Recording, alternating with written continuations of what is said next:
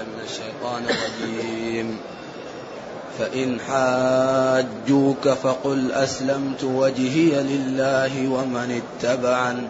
وقل للذين أوتوا الكتاب والأميين أأسلمتم؟ فإن أسلموا فقد اهتدوا. وإن تولوا فإنما عليك البلاغ. والله بصير بالعباد. حسبك. الحمد لله الذي أنزل إلينا أشمل الكتاب وأرسل إلينا أفضل الرسل وجعلنا خير أمة أخرجت للناس فله الحمد وله الشكر على هذه النعم العظيمة والآلاء الجسيمة والصلاة والسلام على خير خلق الله وعلى آله وأصحابه ومن اهتدى بهداه. أما بعد فإن الله تعالى يقول لنبيه فإن جادلوك فإن حاجوك. الواو لليهود أو لليهود والنصارى أو لليهود والنصارى ومشركي العرب كما سيأتي. الفاء بحسب ما قبلها أحيانا تكون عاطفة وأحيانا تكون سببية وأحيانا تكون فصيحة وأحيانا تكون زائدة وأحيانا تكون بمعنى ثم. فالفاء لها معاني كثيرة وهي كثيرة جدا. إن حرف شرط يعني الذي بعدها بعيد حصوله. فإن حاجوك بعيد أن يحاجوك إن نظروا إلى الواقع. لأن الأدلة والبراهين والحجج واضحة إيضاح لا تجعل لأحد لبسا. لأن هذا الدين قائم على أسس ما تترك للمخالف فرصة. أبدا كل شيء مبين. بعدين بطرق واضحة وجلية وبأساليب متعددة. فهو مبني على أسس عجيبة. إذا إن مؤذن بأن بعدها لا يقع عكس إذا. إذا مؤذن أن بعدها سيقع. إذا جاءك المنافقون قالوا نشهد. محقق يعني مؤذن أنهم يأتوا. وإن طائفتان من المؤمنين اقتتلوا. هذا بعيد لكن إن حصل. فإن حاجوك. المحاجة دائما تأتي مفاعلة. وأكثر ما تأتي للقرآن للذنب. الذي حاج إبراهيم في ربه أن آتاه الله الملك. فالمحاججة هي المجادلة والمخاصمة. وكل واحد يأتي بحجته ليغلب الآخر. لذلك يقال إن الشافعي قال ما حاججت شخصا إلا أحببت أن يظهر الخير على يديه. الشافعي يقول كل ما حاججت إنسان تمنيت أن يأتي الخير على يديه أن يكون الحق معه. لأنه امتلأ قلبه من الصفاء ومن محبة إظهار الخير والعلم ولم يبق لنفسه عنده حظ. لأن الله أعطاه ما أعطاه فنسب مطلبي وهو يجيد العلم ويجيد اللغة ويجيد الأدب ويجيد العقل. ف ف ف فهو الله أكرم بالنعم وبالعلم حتى أصبح كل من يحاججه يتمنى أن يظهر الخير على إيش؟ على يديه. بخلاف المتكبر. إذا ظهر الحق على غير يديه يقول لا هذا ما هو صحيح. يغمط يغمط الحق. ولا يحب أن يظهر الخير إلا على يده هو. هذا أنانية والمسلم ينبغي أن يحب لإخوانه ما يحب لنفسه. فإن حاجوك أي جادلوك هؤلاء الكفار فقل لهم أسلمت وجهي لله. أسلمت بمعنى أنقذت وأخلصت وتبرأت مما عندكم. لأن ما جئت به يكفي وزيادة فالذي جاء يكفي. إن الدين عند الله الإسلام. وما اختلف الذين أوتوا الكتاب إلا من بعد ما جاءهم العلم بغيا بينهم. إذا كل شيء واضح. أنتم تعرفون أن النبي مرسل من عند الله. وتعلمون وصفه في التوراة. وتعلمون أنكم حرفتم الرجم عندكم ووضعتم عليه وصرتم تحمموه وتشهروا به لأنه كثر, كثر في كبرائكم. وتعلمون أن كل أن الرسل صادقة وأنها معصومة فيما تبلغ عن الله. وكل هذه الأمور التي تخالفونها أنتم عندكم علم بالحقيقة فيها. إذا أنتم اختلفتم وبعضكم لم يؤمن بعد أن عرف الحق وبينه وإنما ذلك بغيا وحسدا ومحبة لعرض الدنيا ولآجل منفعة. وتركتم في ذلك العزة والخير والكرامة والرفعة وهو دخولكم في الإسلام. إذا إن حاجوك أي جادلوك وخاصموك وأرادوا أن يلبسوا الأمر فقل لهم أسلمت وجهي لله انقدت لله. ولا تمشي معهم في ذلك لأن ما جئت به يكفي في الحجج والبراهين. لذلك هذا الإسلام قائم بالإقناع الله قال وإن كنتم في ريب مما نزلنا على عبدنا فأتوا بسورة. قال أم خلقوا من غير شيء؟ أم هم الخالقون؟ أم خلقوا السماوات والأرض؟ كل ذلك لم يقع. إذا الخالق هو الله. ولما قالوا ما أنزل الله على بشر من شيء القرآن طوى النتيجة. طوى النتيجة لأن موسى بشر وأنزل عليه كتاب إذا أنتم كذبة. لكن طوى النتيجة. من أنزل الكتاب الذي جاء به موسى؟ لذا القرآن الحقيقة محرج لمخالفيه لأنه يضع الأدلة في قوالب وفي براهين وفي حجج لا تقبل إلا التسليم أو المكابرة. ما هو قابل إلا أن يسلم الإنسان أو يكابر.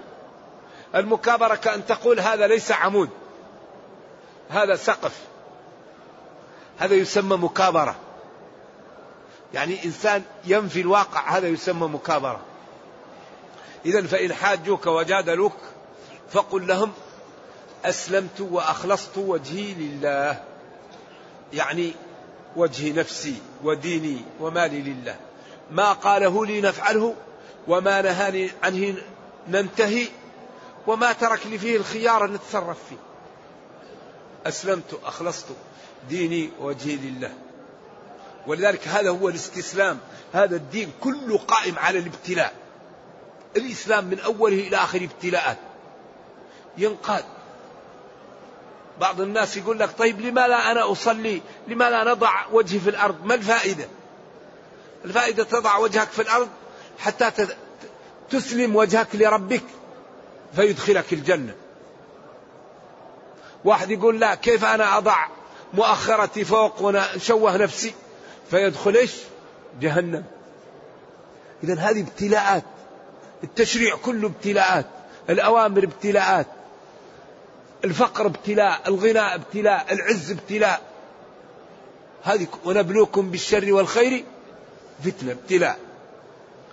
إذا فإن خاصمك هؤلاء الذين بين ظهرانيك وجادلوك فيما جئتهم به وأرادوا المغالطة فقل لهم أسلمت انقدت وأخلصت وجهي لله. ومن اتبعني من معطوف على التاء أسلمت. وسوغ ذلك بها الفاصل. وجهي لله. وإن على ضمير رفع متصل عطفت فافصل بالضمير المنفصل أو فاصل ما. وبلا فصل يرد. إذا أسلمت وجهي لله. ففصل بوجهي لله. إذا ومن اتبعني وأسلم من اتبعني وجهه لله وانقاد له لذلك المسلمون يسلمون. كل ما قال الله أمر سمعا وطاعة. كل ما نهى الله عن أمر سمعا وطاعة. إنما كان قول المؤمنين إذا دعوا إلى الله ورسوله ليحكم بينهم. يقولوا سمعنا وأطعنا. أكبر ابتلاء عرفه التاريخ ابتلاء نبي الله إبراهيم. ما فيه ابتلاء مثله. رجل كبير في السن وله ولد ووصل مرحلة يساعده في الحياة وإذ يرفعه إبراهيم القواعد من البيت وإسماعيل صار يساعده. بعدين يقول له ربه أذبح ولدك. أذبحه. بالله هل يوجد ابتلاء أكبر من هذا؟ قال يا بني إني أرى في المنام أني فانظر ماذا ترى. ورؤيا الأنبياء وحي. قال يا أبتي ستجدني إن شاء الله من الصابرين. فلما أسلما انقاد لأمر الله وتله للجبين. هذا ابتلاء لا يعلمه إلا الله. بعدين قال إن هذا لهو البلاء المبين. البلاء لا يعقل مثله لذلك الدنيا كلها ابتلاءات. يبتلى بغض البصر لازم. يبتلى بعدم الكلام. يبتلى بعدم ترك البيع. يبتلى بترك شهواته. يبتلى بترك نومه. يبتلى بالعطش يصوم بلا ابتلاءات. ذلك الدنيا كلها ابتلاءات. ذلك من نجح ونفذ كإبراهيم إبراهيم الذي وفى. كل ما قيل له عمله.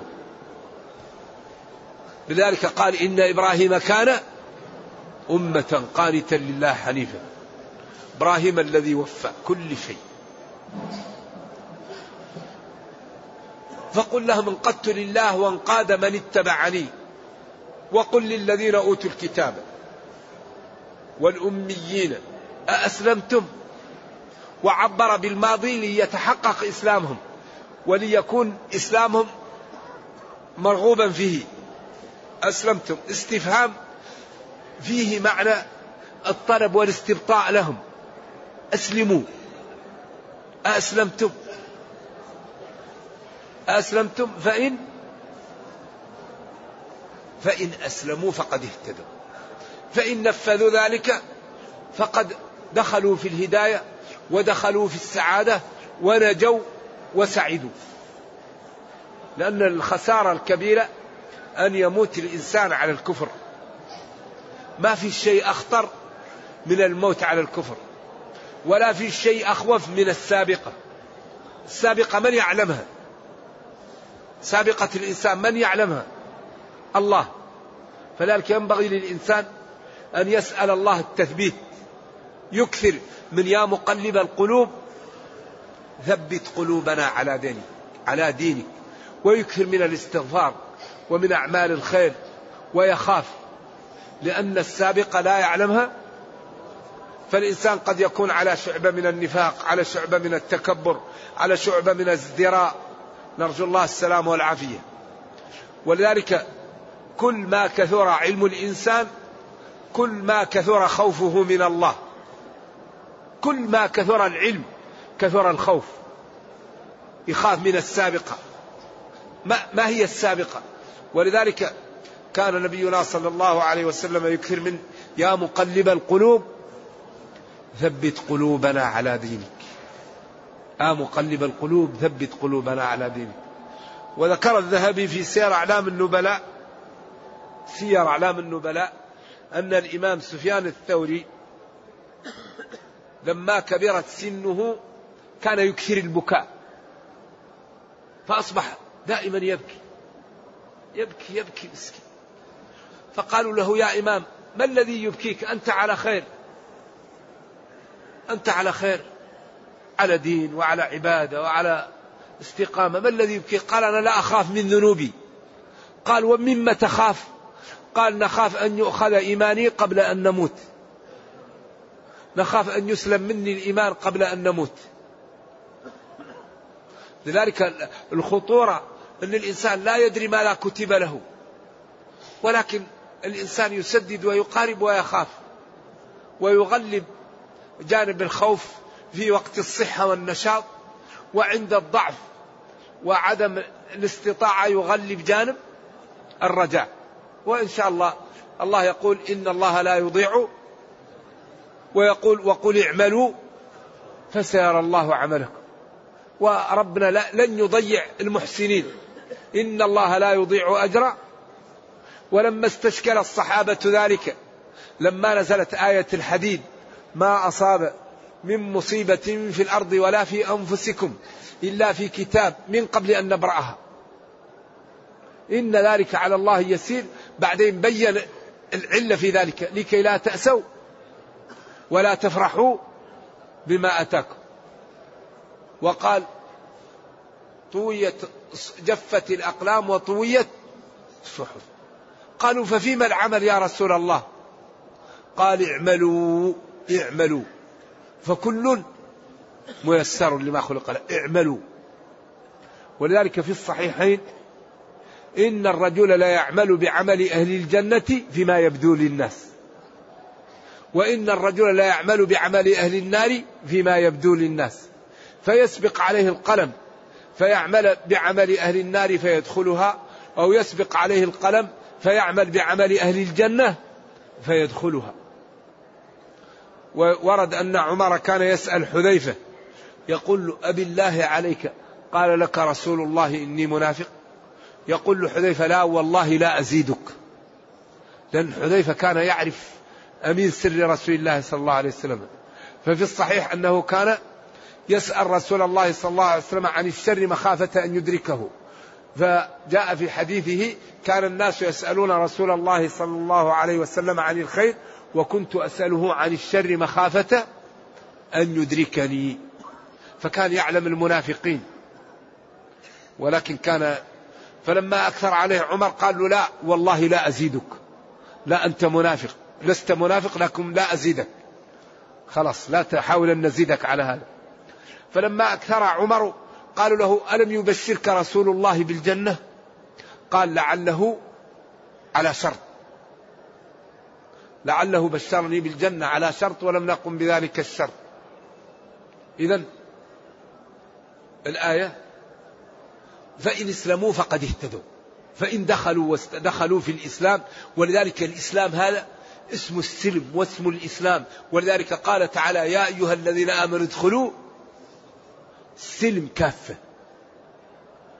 ادخلوا كافة في السلم. هل كافة حال من الواو أو من السلم أو منهما معا؟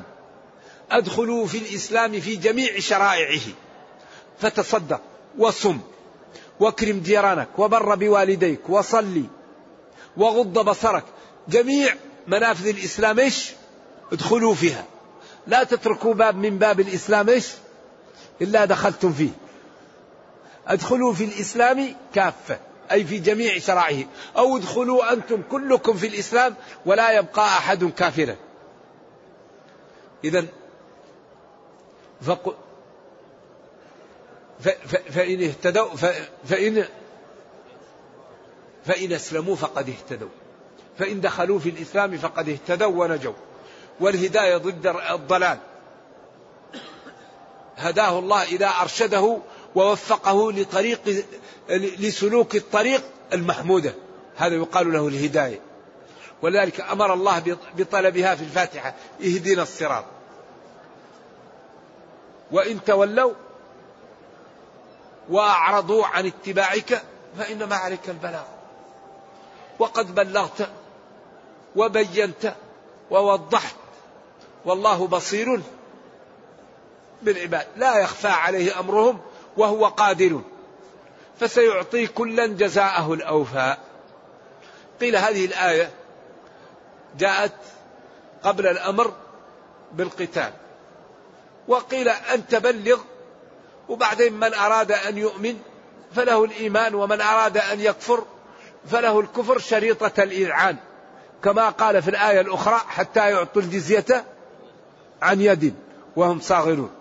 لذلك الإسلام لا يرغم أحدا في الدخول فيه لكنه لا بد أن تبقى الإدارات في العالم بيد المسلمين ليظهروا للناس جمال الدين.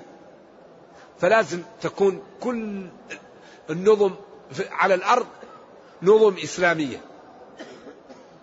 من شاء فليؤمن ومن شاء فليكفر شريطة الإذعان.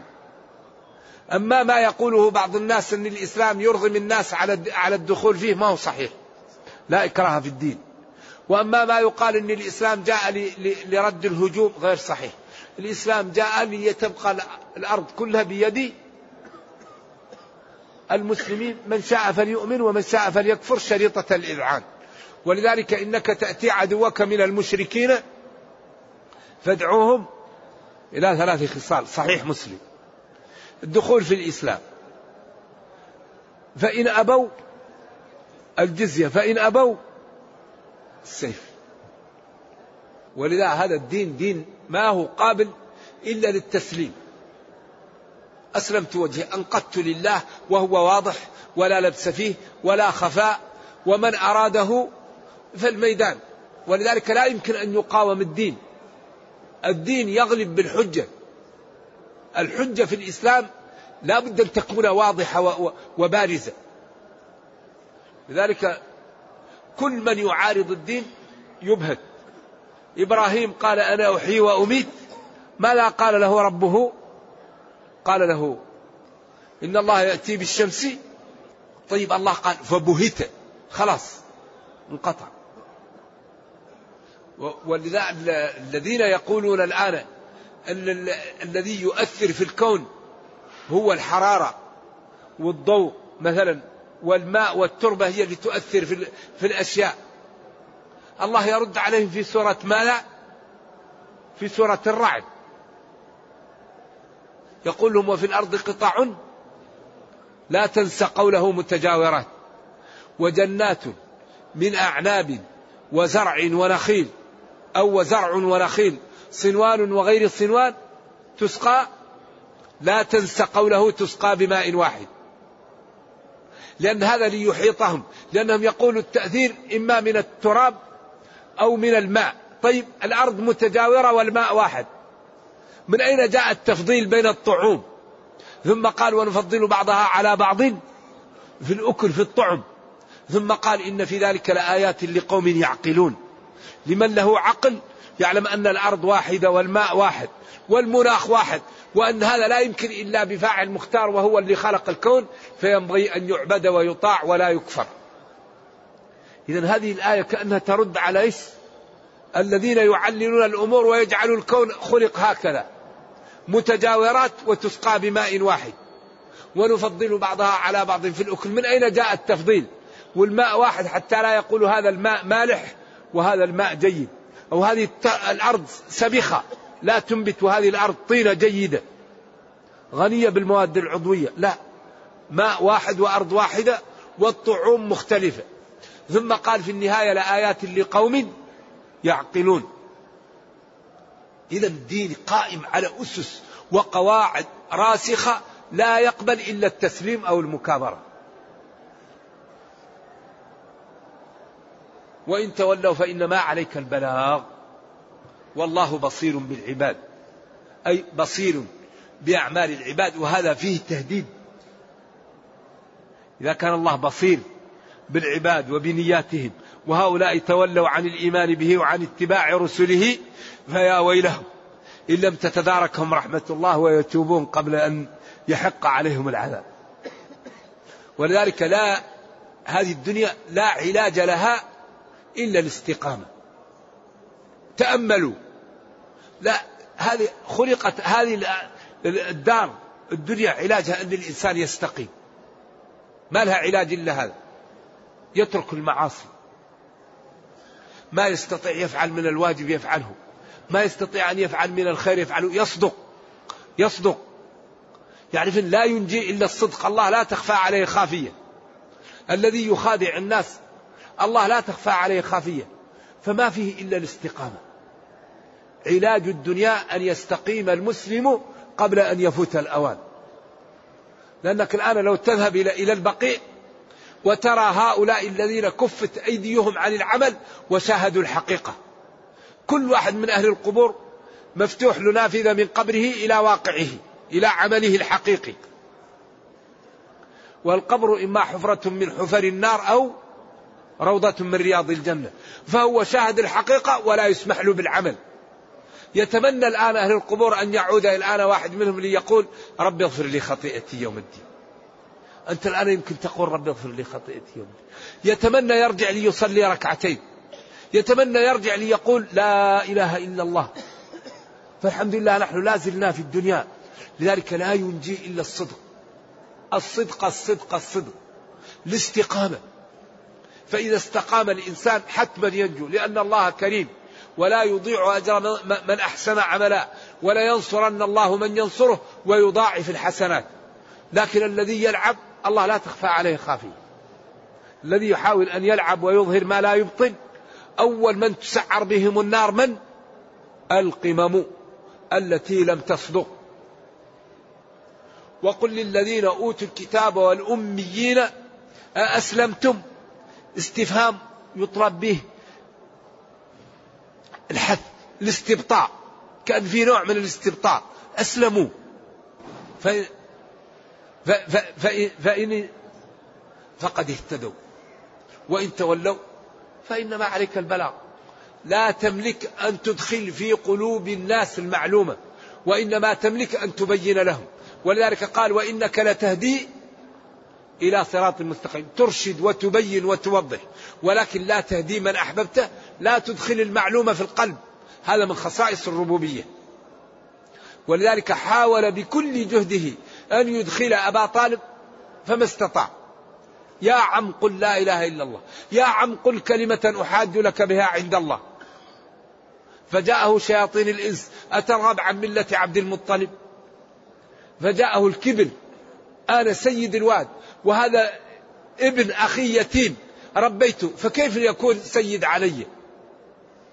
لذلك أكبر ما يسد الإنسان عن الخير الكبر ولا ينال العلم متكبر. المتكبرون لا يكونون علماء. لأن يشترط في العلم أن الإنسان يتواضع. الذي لا يتواضع لا ينال العلم أبدا. إن الذين يكفرون بآيات الله إن حرف توكيد ونصر الذين جمع الذي يكفرون يجحدون بآيات الله حججه وبراهينه. ويقتلون النبيين بغير حق. بغير حق هذا وصف واقع ولا يقتل النبي بحق. كما قال لا يتخذ المؤمنون الكافرين ولا مع المؤمنين. لا يجوز اتخاذ الكافرين أولياء. إلا أن تتقوا منهم تقاه. المسلم قلبه لا لا ينبغي أن يوالي الكافر لأن الكافر في قلبه الكفر وجحود ربوبية الله وألوهيته. فالتعامل مع الكافر في أضيق نطاق وفي أشد حذر. الله قال ومن يتولاهم منكم فإنه منهم. مشكل. لذلك التعامل مع الكافر ينبغي أن يكون بحذر. ولكن الولاء والحمد لله والبراء في القلب. ليس بظاهر التعامل بخلاف المسلمين. المؤمن المسلمون كلهم إخوة. إن الدين عند الله الإسلام. من قال لا إله إلا الله فهو من المسلمين. ولو كان عنده بعض الانحراف. إن الذين يكفرون بآيات الله بحججه وبراهه ويقتلون النبيين بغير حق ولا يقتل النبي حق ويقتلون الذين يأمرون بالقسط من الناس من العلماء ومن الصلحاء ومن العباد ومن الوعاظ. فبشرهم بعذاب أليم. وهذا مقصود به اليهود لأنهم قتلوا في يوم ثلاثة وأربعين نبيا فجاءتهم مية وزيادة من العلماء ينصحوهم فقتلوا الجميع. لذلك لا يوجد ناس مثل اليهود في تقتيل الأنبياء وفي البهت. وفي إفساد الأرض. ولذلك الله انتقم منهم فقطعهم وزعهم قال وقطعناهم في الأرض. وقال وإذ تأذن ربك ليبعثن عليهم إلى يوم القيامة من يسومهم سوء العذاب. وقال وإن عدتم عدتم للإفساد عدنا عليكم بالتنكيل. ويقتلون النبيين بغير حق ويقتلون الذين يأمرون بالقسط من الناس من الدعاة فبشرهم بعذاب أليم. هذا يقول كثير من العلماء استعارة تهكمية. لكن البشارة في اللغة تطلق على الخبر الذي يغير البشرة. ولكن أكثر ما يطلق على الخبر الذي يسر. لكن يطلق أيضا في اللغة على الخبر الذي يسيء. والقرآن نزل بلسان عربي. فالبشارة الخبر الذي يغير البشر إما بالإساءة أو بالسرور. ولكن أكثر ما يقال لما يسر. أيوة. فهي مستعملة في اللغة أي أخبرهم خبرا تتغير منه البشرة بالألم. أولئك الذين هؤلاء حبطت أعمالهم في الدنيا لأنهم يذمون ويقتلون وتضرب عليهم الجزية ويهانون. وفي الآخرة بدخولهم النار. وما لهم من ناصر ينصرهم لا في الدنيا لأن الإسلام يعلو عليهم ويقوى عليهم ولا في الآخرة لأن الله تعالى غالب وناصر لمن أراد نصره وهازم لمن أراد هزيمته. لا غالب اليوم من أمر الله إلا من رحم. ونرجو الله جل وعلا أن يوفقنا وإياكم لما يحبه ويرضاه وأن يجعلنا جميعا من المتقين إنه خير مسؤول والقادر على ذلك. وصلى الله وسلم وبارك على نبينا محمد وعلى آله وصحبه والسلام عليكم ورحمة الله وبركاته.